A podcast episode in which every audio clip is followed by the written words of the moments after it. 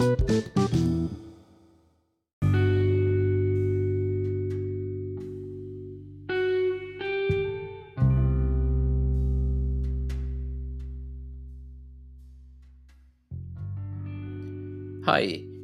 jumpa lagi dengan saya Christian Kuswai dalam podcast Retail Guru.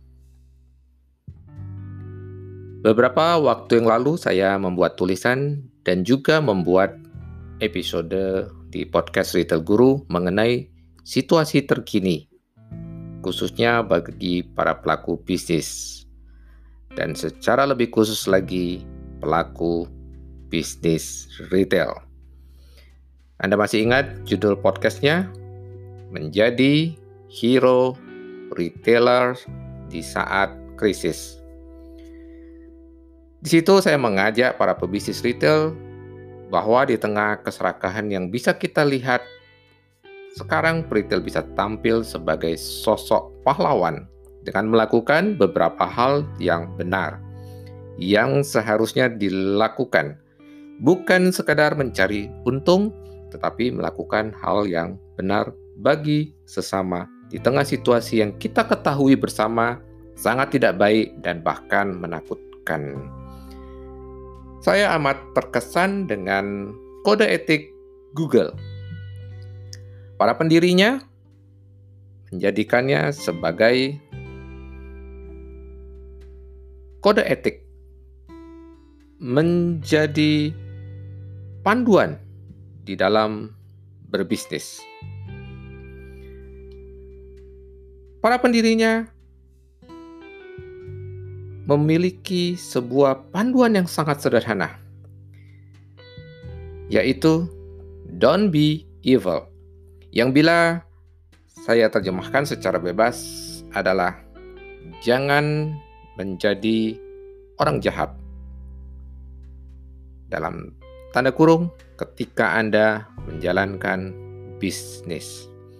Sebuah kalimat pendek hanya tiga kata, tetapi memiliki makna yang sangat dalam dan meskipun bertahun-tahun yang lalu saya ketahui, tetapi sangat membekas dalam ingatan saya. Dan sekarang kita bisa menyaksikannya kita lihat di awal berjangkitnya wabah COVID-19. Kita menyaksikan keserakan para pelaku bisnis.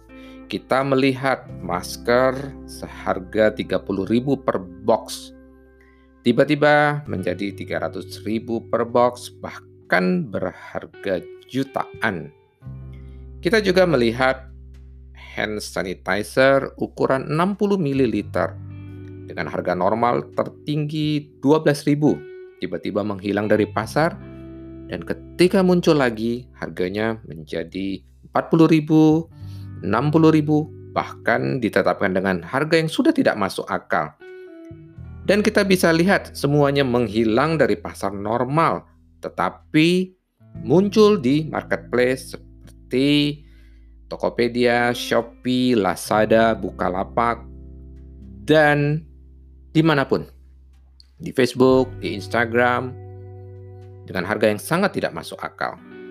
Para pelaku bisnis sepertinya sudah tidak peduli dengan apa pun selain memanfaatkan situasi dengan menetapkan harga setinggi-tingginya dalam rangka mencari untung sebesar-besarnya di tengah kesulitan yang dialami oleh masyarakat.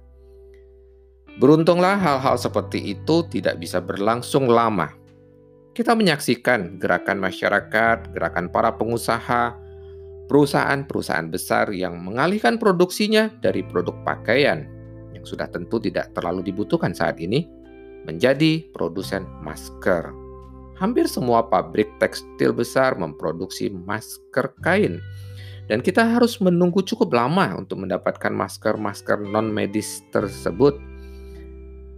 Beberapa perusahaan besar yang memiliki kemampuan produksi mulai memproduksi hand sanitizer dan desinfektan dengan harga yang wajar.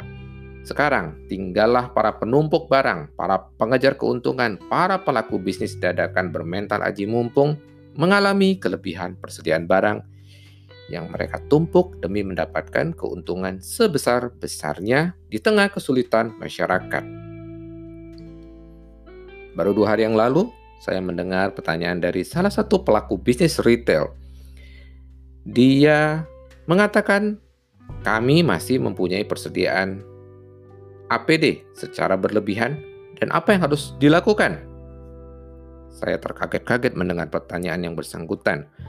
Rupanya dia salah satu pesat pelaku bisnis yang menumpuk barang dan berharap mengeruk keuntungan sebesar-besarnya tanpa peduli dengan kesulitan masyarakat. Kabar gembira juga datang dari pelaku bisnis e-commerce, salah satunya yang bisa saya sebut dan memang melakukan aksi nyata yaitu Tokopedia. Tokopedia secara tegas mengatakan telah menghapus beberapa seller atau penjual yang ketahuan menjual produk-produk yang sangat dibutuhkan masyarakat dengan harga yang tidak wajar.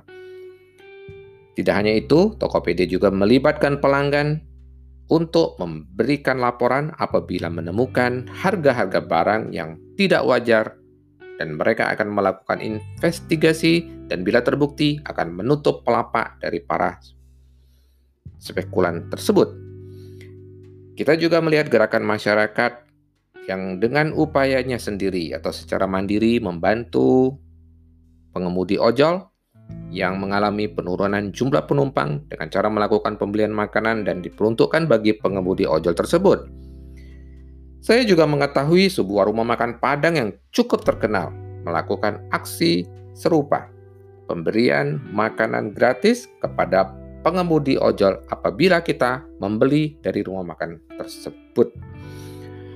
Para pelaku bisnis, apa pun bisnisnya, Anda bisa melakukan hal-hal yang benar di tengah situasi sekarang yang bukan dilandasi karena Anda ingin terkenal atau dikenali atau mendapatkan nama baik sebagai perusahaan yang peduli di tengah situasi seperti sekarang, tetapi memang ada hal-hal yang seharusnya dilakukan oleh para pelaku bisnis di tengah situasi seperti sekarang ini. Saya melihat beberapa pelaku bisnis klien-klien saya yang aktif bersama dengan masyarakat di sekitar melalui organisasi melakukan upaya penyaluran bantuan bagi masyarakat yang kurang beruntung Beberapa di antara mereka sedang mewujudkan salah satu misi yang tercantum di dalam misi perusahaan. Salah satunya adalah peduli dengan masyarakat sekitar, peduli dengan para pemangku kepentingan, bukan hanya pemilik perusahaan, bukan hanya karyawan, tetapi masyarakat umum. Apa pun yang kita lakukan memiliki konsekuensi anda harus bertanggung jawab dengan setiap keputusan yang Anda ambil. Saya memiliki beberapa klien dan meskipun dalam situasi work from home, tidak diizinkan bepergian ke mana-mana, di banyak tempat sudah melakukan PSBB, tetapi tidak mengurangi kesibukan saya di dalam melayani para klien saya tersebut.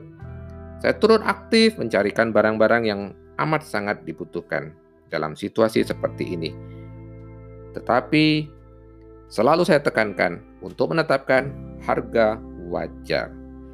Sebagai pebisnis, Anda berhak mendapatkan keuntungan dari bisnis Anda, tetapi tetap menjaga kewajaran. Di saat seperti ini, ini adalah kesempatan bagi Anda untuk menunjukkan bahwa Anda hadir untuk melayani. Hampir semua klien saya memiliki nilai melayani di dalam corporate values mereka atau nilai-nilai inti perusahaan mereka.